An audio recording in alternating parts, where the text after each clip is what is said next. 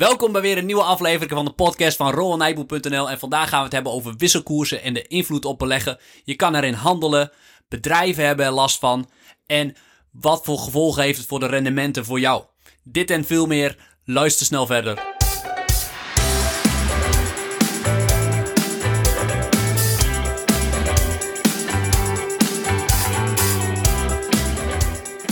Welkom bij weer een nieuwe aflevering. Mijn naam is Barbara. En ik ben Rowan.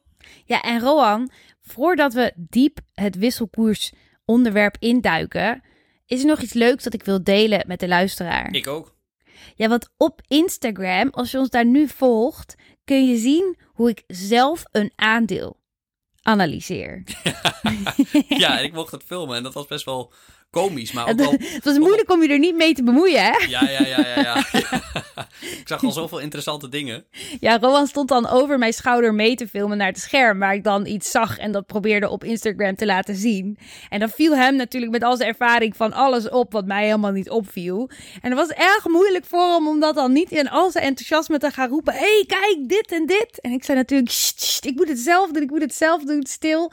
Nou, vind je het nou leuk om dat uh, avontuur te volgen? We zullen zorgen dat het ook in de highlights staat. Dus als je dit wat later hoort, kun je nog in de highlights terugkijken hoe ik zelf een aandeel selecteer en dat met je deel op Instagram. Ja, echt fantastisch. Maar heel mooi om te zien dat er komen zoveel aspecten langs. En jij trekt conclusies uit bepaalde cijfers en dergelijke. En die conclusies zijn helemaal niet altijd even sterk. Ze zijn ook nog wat simpel, denk ik, hè? Ja, ja en, en dan word je gewoon op verkeerde been gezet.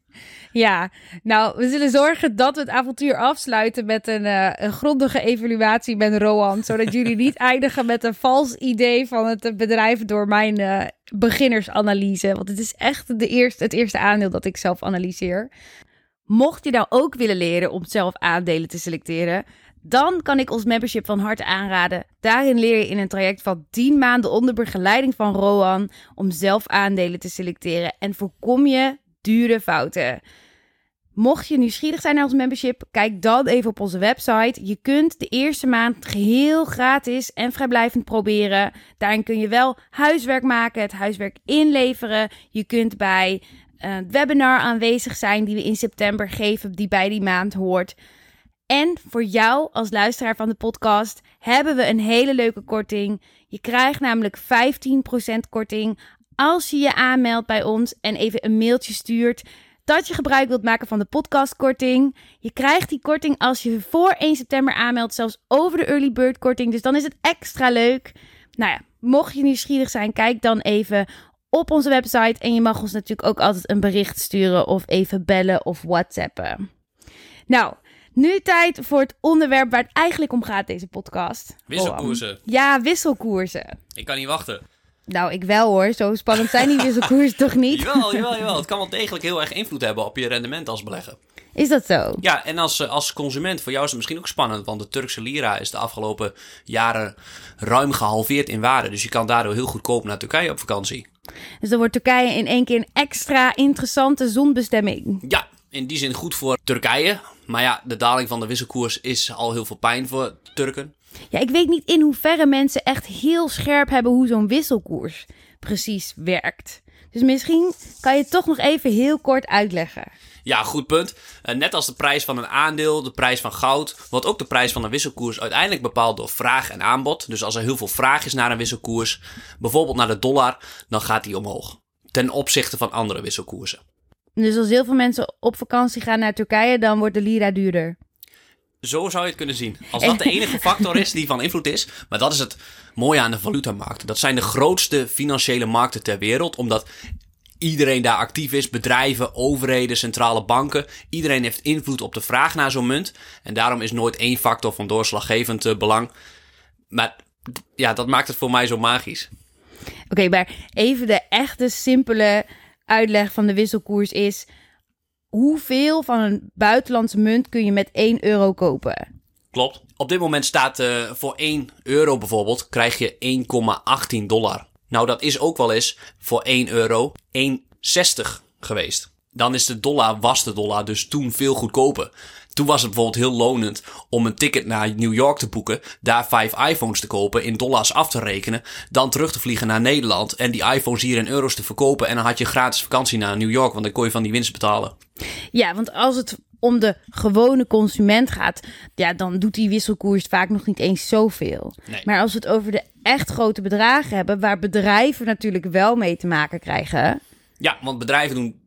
Bijna alle Nederlanders echt een handelsland. En bijna alle bedrijven doen internationaal zaken. En dan krijg je te maken met andere wisselkoersen. Ja, en dan kan het dus echt om, om duizenden euro's gaan. Ja, ook om miljarden. Ja. Ook een miljard, Ja. ja, precies. Ja, want eh, een voorbeeld. Ahold, bijvoorbeeld eigenaar van Albert Heijn en bol.com, haalt 60% van zijn omzet uit de VS. Nou, die klanten betalen allemaal in dollars. En als de dollar dan bijvoorbeeld daalt, zoals er recent de afgelopen maanden is gebeurd, want daarom hebben we ook een beetje deze podcast, omdat de dollar zoveel goedkoper is geworden ten opzichte van de euro, dan heeft dat heel veel invloed, omdat die winst en omzet uit de VS ook veel minder waard is. Dus dat heeft invloed voor de aandeelhouders van Ahold.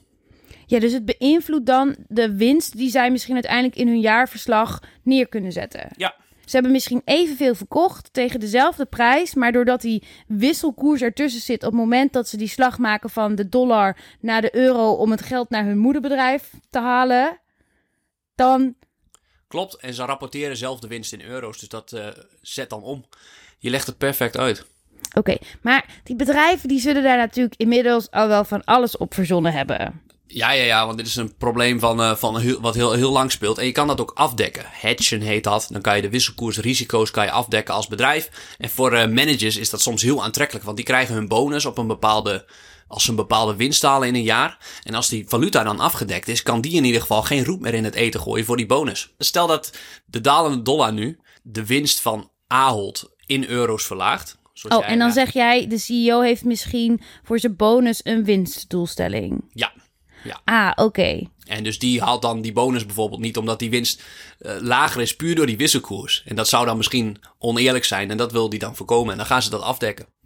Oké, maar je zou ook kunnen zeggen, nou, open een bankrekening in Amerika, stal je geld ook daar en dan is het ook opgelost. Ja, dat gebeurt ook. En dus zo zijn er ook heel veel natuurlijke afdekkingen. Want Ahold heeft bijvoorbeeld niet alleen omzet in de VS, maar ook heel veel kosten.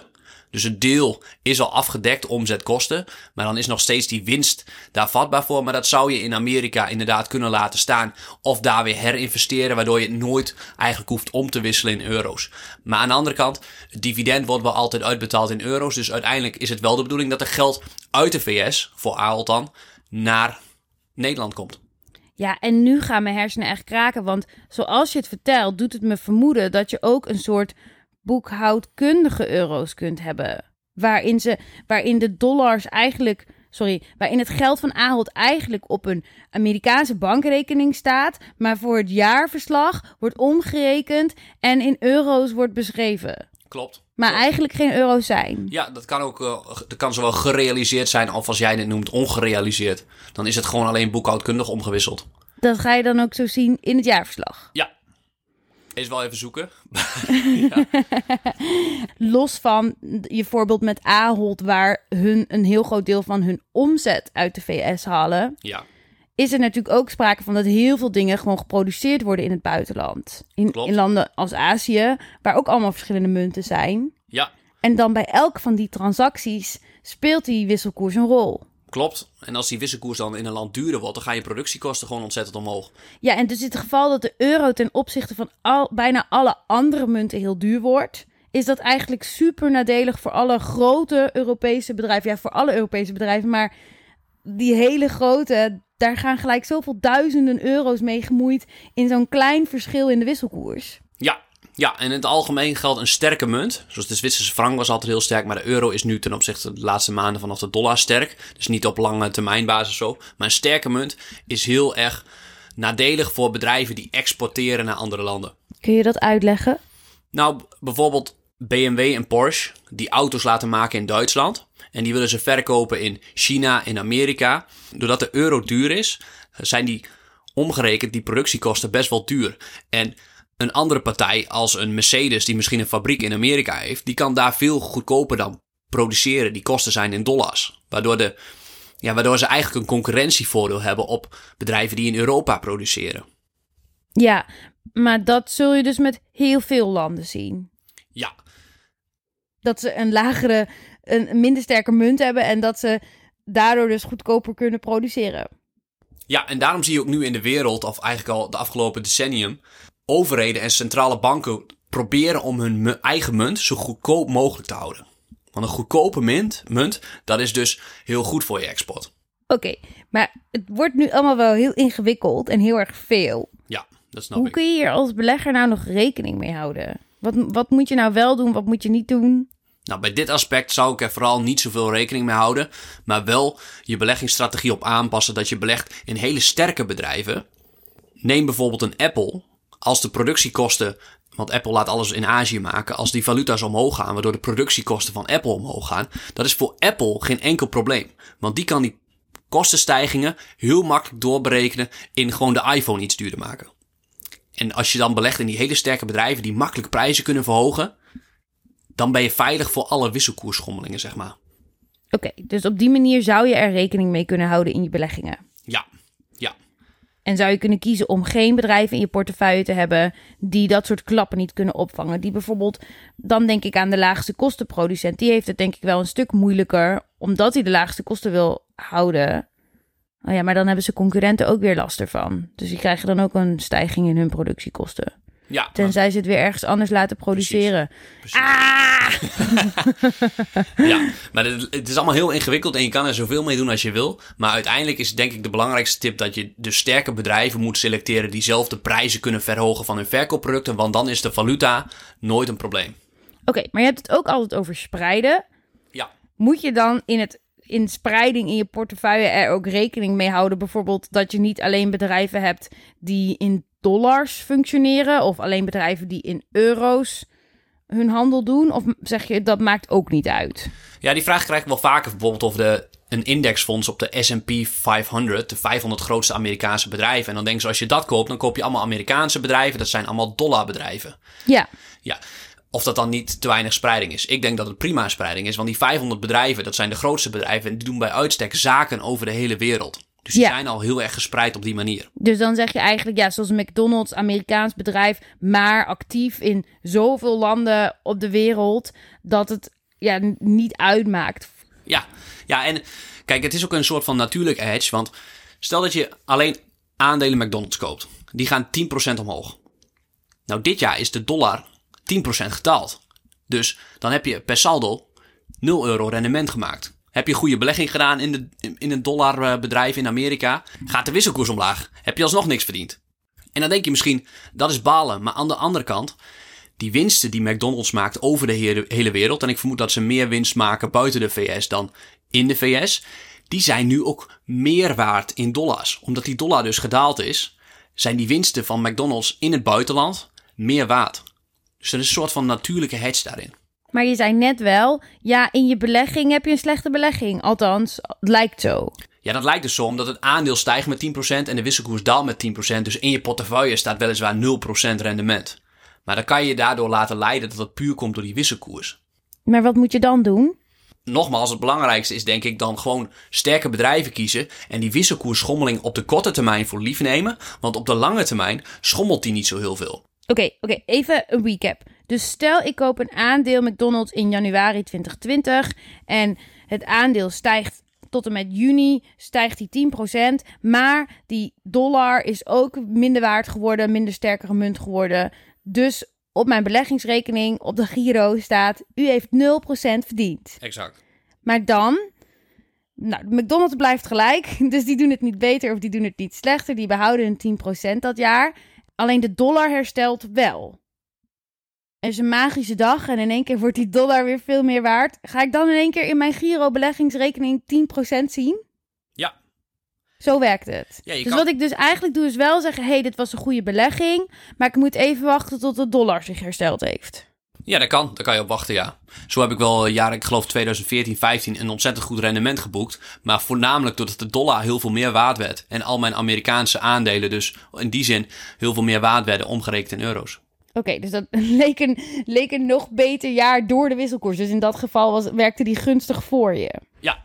En die werkt dus dit jaar tegen je. Maar als hij dan zulke grote fluctuaties laat zien, als het zo erg op en neer beweegt, dan kan het, denk ik, voor sommige mensen interessant klinken als in... hé, hey, daar kun je dan toch op inspelen en daar geld mee verdienen. Ja, als je de wisselkoers kan voorspellen, kan je daar gigantisch veel geld mee verdienen. Maar dat voorspellen, dat is dus weer niet te doen. Ik, net als grondstoffen en goud, die prijzen zijn niet te voorspellen. Ik las deze week nog een interview eh, van de CEO van Beurden in het uh, Financieel Dagblad. Die zegt zelfs, met Shell maken we maar scenario's voor olieprijzen in de toekomst, maar we gaan het niet voorspellen. We kunnen dat niet voorspellen. We doen bepaalde scenario's en op basis daarvan gaan we winsten en investeringen en zo uh, projecteren, maar we gaan de olieprijs niet voorspellen. Een bedrijf dat alleen maar met de olieprijs bezig is, daar continu op zit, honderden analisten hebben die proberen daar iets mee te doen. Die hebben het gewoon opgegeven. Ze gaan het niet voorspellen, want je kunt het niet voorspellen. En zo is het met wisselkoersen ook. Er zijn te veel factoren van invloed die vraag en aanbod naar die wisselkoersen kunnen beïnvloeden. Dus kun je het niet voorspellen. Dus dan, in die zin kun je er ook niet systematisch van profiteren als belegger. Je kan een gelukje hebben op de korte termijn. Op de lange termijn is het weer niet relevant, denk ik. Want nu staat de wisselkoers uh, eh, 1 euro voor. Uh, krijg je 1 dollar en 18 cent voor. Toen de euro werd geïntroduceerd in 1998, geloof ik, was dat precies dezelfde koers. Is dat gunstig of niet gunstig? Nou, dat wil eigenlijk zeggen dat dat in de tijd best wel geschommeld heeft. 10, 20, 30 Oh, maar nu weer gelijk staat. Zoveel jaar later. dus altijd in een bepaalde bandbreedte. Zeker de ontwikkelde landen met goede munten, daar is dat prima in. En dan kan je op de korte termijn kan het tegen je werken, maar op de lange termijn moet je je daar niet door laten leiden door, voor je beleggingen. Dan moet je gewoon sterke aandelen kiezen. Nou ja, zoals de Brexit, dat is, speelt volgens mij, ook al horen we er nu door de corona volgens mij relatief weinig over, maar het speelt nog steeds. Ja. Moet je daar dan rekening mee houden? Want ik bedoel, die, die pond zou nog steeds best wel een klap kunnen krijgen van het uit de EU stappen. Ja, nou die heeft toen al eh, een flinke klap gekregen. Dus het is nu veel goedkoper om even naar Londen uh, een tripje te maken dan een paar jaar geleden voor de Brexit. Maar ja, je, kan het niet voorspellen hoe, welke impact dat precies gaat hebben op de economie. Dat wil ik eigenlijk benadrukken. Het kan veel verder dalen, het kan niet. Maar het is ook altijd. Stel dat de pond nog heel veel verder daalt. Dat heft zich uiteindelijk weer op. Want als de pond heel goedkoop wordt. Raad eens waar Europese bedrijven dan hun fabrieken neerzetten. In Groot-Brittannië. Ja, en dan krijg je weer nieuwe vragen naar de pond en dan stijgt de pond weer. Dus je hebt altijd zo'n uh, ja, zo'n natuurlijke hedge, heet dat. Zo ja, dit is natuurlijk gewoon wat jij met je economielessen leert, het equilibrium. Ja, je, er ontstaat altijd een nieuw evenwicht. Ja, ja. ja. ja je hebt goed opgelet vroeger. Oké, je hebt nu eigenlijk hoor ik je de hele tijd terugkomen op let er niet op, let er niet op. Het is een korte termijn iets, op de lange termijn komt het goed. Is er dan iets waar je wel wilt dat ik op let als belegger? Ja, waar je eigenlijk wel op moet letten, is dat je niet zomaar bijvoorbeeld een aandeel of een indexfonds in een bananenrepubliek koopt. Bananarepubliek? Bananarepubliek. Bananarepubliek. nee, maar dat is serieus zo. Van veel, als belegger lijkt het interessant om in een hele snel groeiende, opkomende economie een indexfonds of daar aandelen te kopen. Ja. Alleen, neem bijvoorbeeld Argentinië. Dan denk je dat is een best wel ontwikkeld land misschien. Omdat, uh, misschien alleen omdat Messi er vandaan komt. Die wisselkoers is de afgelopen paar jaar door vier gegaan. Dus had je daar geld belegd, had, had dat indexfonds op zich goed gedaan. Had je nog maar 25% van je geld over, puur door die wisselkoers. Ja, dus had je daar 100.000 euro in, in gelegd, dan is dat nu 25.000 euro maar waard. Puur en alleen door de wisselkoers. Ja, ja, en zulke landen, omdat die overheidsfinanciën niet op orde hebben, een zware economische crisis, dus hyperinflatie, ja, dan daalt je munt gewoon zoveel. Ja, en ook al lijken ze dus misschien sterk, die landen, ze zijn in die zin economisch te onstabiel. En, en dat bedoel je denk ik ook met opkomend. Van ja, ze groeien, ja, de komende jaren wordt hun economie waarschijnlijk beter. Ja. Maar dit soort dingen kunnen nog steeds een soort van onverwachts voorkomen. Die regeringen zijn ook nog wat onstabiel. Dat daar soms toch nog wat van die uh, relletjes en uh, vijandige overnames zijn. ja, ja, ja, ja, het, is, het is gewoon heel risicovol. En het lijkt heel aantrekkelijk, maar het is echt heel risicovol. Oké, dus om het samen te vatten. Eigenlijk zeg je als particuliere belegger... besteed liever je aandacht aan het zoeken naar een echt sterk bedrijf... Ja. dan dat je je druk maakt om wisselkosten. Maar voorkom dat je belegt in onstabiele landen. Kunnen, zouden we dan kunnen stellen dat zolang je in eh, Noord-Amerika, de EU en de ontwikkelde landen van Azië belegt, dat je veilig zit, wisselkoersgewijs? Ja, dat, zit, zit je vrij goed. Maar ook voor de euro sluit ik op de hele lange termijn geen problemen uit als Zuid-Europa bijvoorbeeld in blijft zitten, dat de euro gaat dalen. Nou ja, dat is natuurlijk aantrekkelijk als je je aandelen in Amerika hebt. Maar in het algemeen is het voor Europa niet goed op de lange termijn als je munt daalt. Maar dat is een andere zaak. Volgens mij is het zo dat China zich heel erg bemoeit met uh, de waarde van hun munt. Dus waar wij het steeds hebben gedaan nu alsof er een soort vrije loop is in die wisselkoersen op basis van vraag en aanbod, is dat volgens mij bij de Chinese munt niet zo. Klopt, klopt. Want um, kijk, ik zei net al dat alle landen in de wereld met hun eigen munt bezig zijn om hun munt zo goedkoop mogelijk te maken, omdat het heel goed is voor de export van je land. Je wordt er heel concurrerend van. Politici proberen dat in Europa, maar de centrale bank, de ECB, en net als in Amerika, de Federal Reserve, die zijn onafhankelijk van de politiek. Maar de politiek probeert wel, eh, zeker Trump probeert de Federal Reserve heel erg te beïnvloeden door hun munt goedkoper te maken, door bijvoorbeeld heel veel geld bij te drukken en dat soort aspecten waar we nu mee bezig zijn, al die monetaire experimenten. In China is gewoon de overheid de baas over het geld ook. Ja. En dat is dus in Europa en Amerika niet zo. Er zijn politiek en de macht over het geld zijn gescheiden. In China is dat niet zo. In China bepaalt eigenlijk de overheid de wisselkoersen. En de wisselkoers van de Chinese yuan is ook gekoppeld aan de Amerikaanse dollar. Dat is een soort vaste wisselkoers. Beweegt wel in een bepaalde range, maar daarbuiten mag die niet komen van de overheid, want dan grijpen ze in. Okay. Terwijl de euro-dollar dus variabel zijn en wordt bepaald door vraag en aanbod.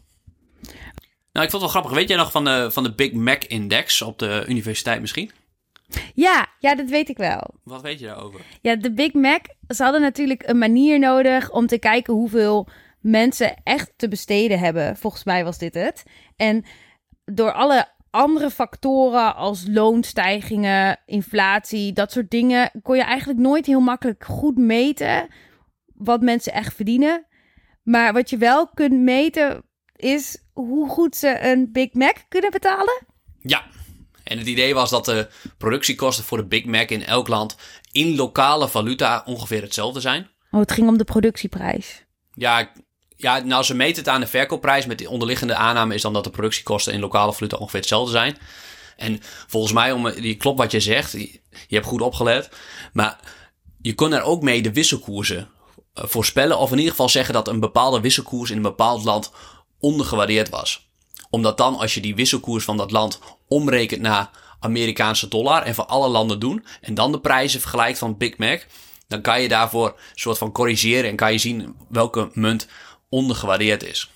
Omdat dat in de wereld dus ongeveer zou je dezelfde prijzen in lokale munten voor Big Macs in de wereld verwachten. Omdat het een soort homogeen product is, overal hetzelfde. Maar wat is dan, als dan de Big Mac goedkoper is, dan is de munt Ondergewaardeerd. ondergewaardeerd. Ja, en dan zou je dus in theorie daarvan kunnen profiteren door die munt op te kopen en wachten tot die onderwaardering eruit loopt. Ja, dat de markt corrigeert. Ja. Oké. Oké, nee, dat ik was dat alweer weer vergeten. Maar ik, ik wist inderdaad wel van de, Dat was wel leuk, toch? van de Big Mac. Index. ja. Heb je nog zo'n feitje? Mm, Nee. Oké, Rowan, ik heb toch nog een laatste vraag. Nou, Als een land nou mag kiezen, willen ze dan dat hun munt duur is? Of willen ze dat hun munt goedkoop is? Nou, politici willen in ieder geval dat de munt goedkoop is. Want het is goed op de korte termijn voor de economie, omdat het voor de export dus heel goed is, zoals waar we aan het begin over hadden. Ik vind zelf als belegger, en ook voor de lange termijn kracht van een land, is een sterke munt veel belangrijker. Bijvoorbeeld de Zwitserse franc. Hele sterke munt altijd. En toch gaat het economisch daar heel goed. Dat gaat eigenlijk een beetje tegen de economieboekjes in. Maar dat gaat heel goed, omdat doordat je munt zo duur is, is arbeid daar bijvoorbeeld heel duur is er geen enkel arbeidsintensief bedrijf die daar een fabriek neerzet. Dus ga je daar heel erg letten op automatisering. Arbeid vervangen door machines. Daar komt geld voor omdat dat zo zichzelf een versterkend effect is, een soort vliegwiel. Maar daardoor is Zwitserland een van de meest productieve landen ter wereld door die sterke munt. Want ze denken wel twee keer na voordat ze een heel duur iemand aannemen. Kunnen ze beter dat vervangen door machines. Of ze willen in ieder geval dat die dure iemand dan ook echt doet waar die voor betaald wordt. Precies. Ja, dat het goed besteed is. Ja, Ja, en het is ook denk ik niet een gevolg van die dure munt dat Zwitserland zich bijvoorbeeld heel erg eh, specialiseert op, eh, op dure horloges en dergelijke. Dat, dat, dat maatwerk en zo. en dure chocola.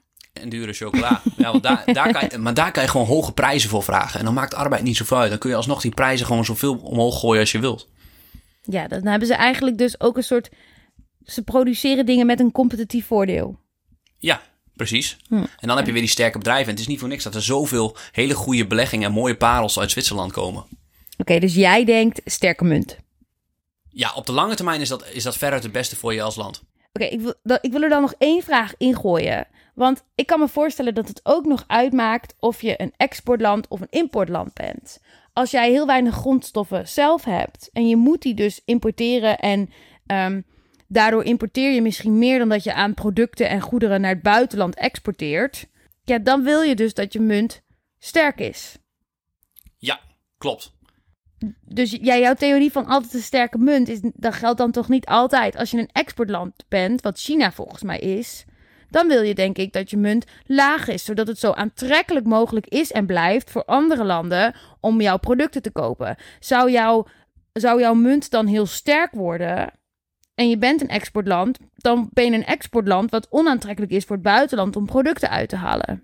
Ja, klopt. Er zit wel een mooie nuancering in. Ja, China heeft de afgelopen 20 jaar, en daarom is eh, Donald Trump ook zo boos op China. Dat is de kern van het conflict eigenlijk. Zijn munt zo goedkoop gemaakt dat het zo makkelijk kan verkopen in de hele wereld. Dat het daardoor de fabriek van de wereld is. China is zijn munt nu wel wat aan het ophogen, omdat nu dat export wordt minder belangrijk voor China. En nu wordt de binnenlandse markt voor China meer belangrijk. En dan is een sterke munt eh, prima. Ja, Rohan, dan gaan we richting afronding. Is er nog iets wat je wilt, echt wilt vertellen? Eh, ja, nog heel veel, maar ik denk dat jij me dat niet toestaat. Nee, een heel grappig verhaal vind ik nog van de wereldwijd bekende Dutch disease. We hebben natuurlijk allerlei overal Dutch eh bewoordingen van, maar de Dutch disease, jaren 50, 60, gas gevonden in Nederland. En we hadden natuurlijk de gulden. Maar door die fonds van het gas en dat we heel veel grondstoffen hadden, nam de vraag naar onze munt ontzettend toe ging de gulden heel erg stijgen. Waardoor we een hele ijzersterke munt hadden. En dat was toen heel slecht voor de Nederlandse economie. Omdat alle exportbedrijven in de problemen kwamen. Omdat onze munt zo duur was. En dat heet de Dutch disease. Ja, wordt wereldwijd bestudeerd door allerlei overheden en centrale banken. Dus het ging in zeker op zich zo goed met ons land dat het in andere opzichten weer slecht ging. Exact, exact. Dat je daar weer ziek van wordt uiteindelijk. En, maar ik denk wel dat het nu op de lange termijn tot gevolg heeft gehad dat we zo productief zijn als Nederland. De productiviteit is zo hoog omdat we toen al zo'n sterke munt hadden dat we al heel snel in de gaten hadden over moeten automatiseren. Want dan kun je alleen die productiviteit op peil houden. Ja, dan kun je de kosten drukken en dan kun je. Ja, en dan kun je dus onderscheiden met eh, andere diensten dan alleen eh, op laagste kosten en dergelijke. Oké, dus misschien heeft dat ons wel tot ons innovatieve landje gemaakt dat we nu zijn. Dat denk ik. Tot slot, Rowan, weet je hoe oud we zijn dat we de gulden nog herinneren?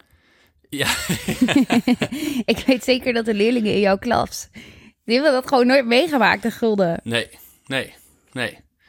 Toen werd alles zo duur, hè. Dat klaagden altijd veel mensen over. Van 1, eh 1, 1 euro was 2,20 gulden of zo. En alles in de supermarkt leek in één keer verdubbeld of zo. Ja, ja, maar ja, ik weet nog dat je van die dubbele prijstickertjes had. En dan Ja. had je een prijs in euro's en een prijs in guldens. Ja, ja, ja, ja, ja. ja. Ja. Oké. We kunnen ook weer een hele podcastvoorstelling over vullen. De euro en de, dit experiment en hoe dat gaat aflopen. Welk experiment? Nou, het euro-experiment, want het is natuurlijk een mislukking wat dat betreft sinds het begin. Het werkt toch heel fijn? Ja, het is super fijn voor als je op vakantie gaat en zo. Maar qua onevenwichtigheden die er aan het ontstaan zijn en die er zijn in Europa, is, zijn de problemen nog lang niet weg voor de toekomst. En die worden elke keer voor ons uitgeschoven. Voorspel je daar nou een grote crisis? Ik sluit niet uit dat, het, dat er over 10, 20 jaar de EU in, er in een hele andere vorm uitziet. Dan krijg je bijvoorbeeld de euro en de euro, dat soort dingen. Zo van de Zuid-Europese en Noord-Europese munt? Ja, dat zou kunnen, ja. Hebben ze het daar serieus al over? Nou ja, voor Zuid-Europa is het ook gewoon misschien slim om die pijn te nemen op korte termijn. Om er bijvoorbeeld uit te gaan. Want vroeger hadden Spanje en Italië hun eigen munt. En die kunnen ze dan elke keer devalueren. Lager zetten. Waardoor het toch weer een heel aantrekkelijk land wordt voor toeristen. Om eh, dingen te gaan produceren. Maar nu zitten ze aan die harde euro vast. Dus ze kunnen zich er nooit uit concurreren. Uit die malaise. Waardoor die schulden maar blijven oplopen. En de economies blijven krimpen of heel traag groeien. Ja, dus met andere woorden, we hebben de beetje de productiemachines, of althans wel op, uh, op high-end dingen, zoals Duitsland, Nederland. Um, ik vermoed ook België, Frankrijk, dat die, die produceren veel dure exportdingen, veel grote bedrijven die dat ook doen. Ja, hoge toegevoegde waarde, producten en dergelijke. Ja, en, daardoor neemt de vraag naar de euro alleen al toe. Omdat het buitenland die producten wil kopen of met ons handelt. Maar als een Spanje en Italië niet diezelfde productiviteit en diezelfde producten leveren.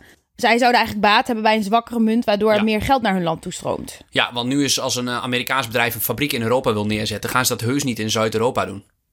De kosten zijn daar bijna hetzelfde als in Noord-Europa. En je hebt waarschijnlijk een verschil in productiviteit. Dus als die een veel lagere wisselkoers hadden, zouden ze daar wel een fabriek in neerzetten. Wat heel goed voor die landen zelf is, want dan brengt werkgelegenheid en economische groei mee. Maar hoe zit dat dan met um, bijvoorbeeld, wij hebben veel gastarbeiders, omdat hun arbeid toch nog goedkoper is dan bij ons? Ja, dat is waar, maar dat wordt misschien ook minder aantrekkelijk. Of ze komen van andere plekken op een gegeven moment. Ja, maar dan, dan zou dat toch juist het, het opheffen? Door die vrije allocatie, dat is toch het idee, door die vrije allocatie van goederen en kapitaal en zo. dat de markt en mensen, dat, dat de markt zichzelf in evenwicht brengt. Dus ook binnen Europa. Dus ook binnen Zuid en Noord. Dat is toch het idee? Ja, dat is ook het idee op de hele lange termijn. Maar we voelen ons nog uh, te weinig, denk ik, Europeaan. En te veel nog steeds uh, Nederlanden. En zo geldt dat voor ieder land. Terwijl een Amerikaan. Denk je niet dat het gewoon, een generatiedingetje is? Zo van wij zijn nog zelfs een generatie die zich herinnert dat we Nederland waren met grenzen en met uh, een eigen munt. En dat zodra je de grens overstak je een andere munt nodig had. De generatie onder ons, die herinnert zich dat toch al niet meer. Dat is in die zin toch al een veel Europeesere generatie. Dat, dat zet zich hopelijk door, ja. Dat we ons steeds meer Europeaan voelen. Want dat leidt alleen maar tot winst, denk ik. Is het dan niet gewoon een kwestie van tijd? Misschien wel. Misschien wel. Maar misschien is het ook het, nationalisme daarin, onze, onze nationale trots, daarin is misschien nog wel dieper geworteld. Dus eigenlijk mogen we ook niet meer op Olympische Spelen als Team Nederland uitkomen en zo. We zouden gewoon alleen maar als Team Europa. Dat moeten we doen, ja. Ja, ja, ja. ja. Er gaat geen land mee akkoord, dat weet ik zeker. Ja, ja, ja. Nee, maar Kijk, ik, ik heb er ook totaal geen problemen mee dat er bijvoorbeeld geld van Noord-Europa naar Zuid-Europa gaat. Ik vind, dat, ik vind dat een goede zaak. Je moet gewoon elkaar helpen. Um, er moet misschien wel iets tegenover staan. Maar dat we daar in Nederland bijvoorbeeld best wel over klagen. We klagen eigenlijk nooit over. Wij hier in Zwolle of Oost-Nederland wordt bijvoorbeeld gesubsidieerd door de Randstad op bepaalde gebieden. Nou ja, daar, daar wordt, wordt eigenlijk nooit over gesproken. Dat vinden we allemaal heel normaal. Ja, maar als het dan op grote schaal en buiten ons eigen land plaatsvindt... Ja, als het wat verder op afstand gebeurt, dan uh, kan het niet meer. Ja, oké. Mijn afsluitende noot daarin is: we zijn zo rijk. Ik snap dat ook wij nog steeds interne problemen hebben, maar vergeleken met andere landen zijn we zo rijk. Bizar, hè? Ja. Ja. Oké. Bedankt voor het luisteren. Tot de volgende keer. Tot de volgende keer.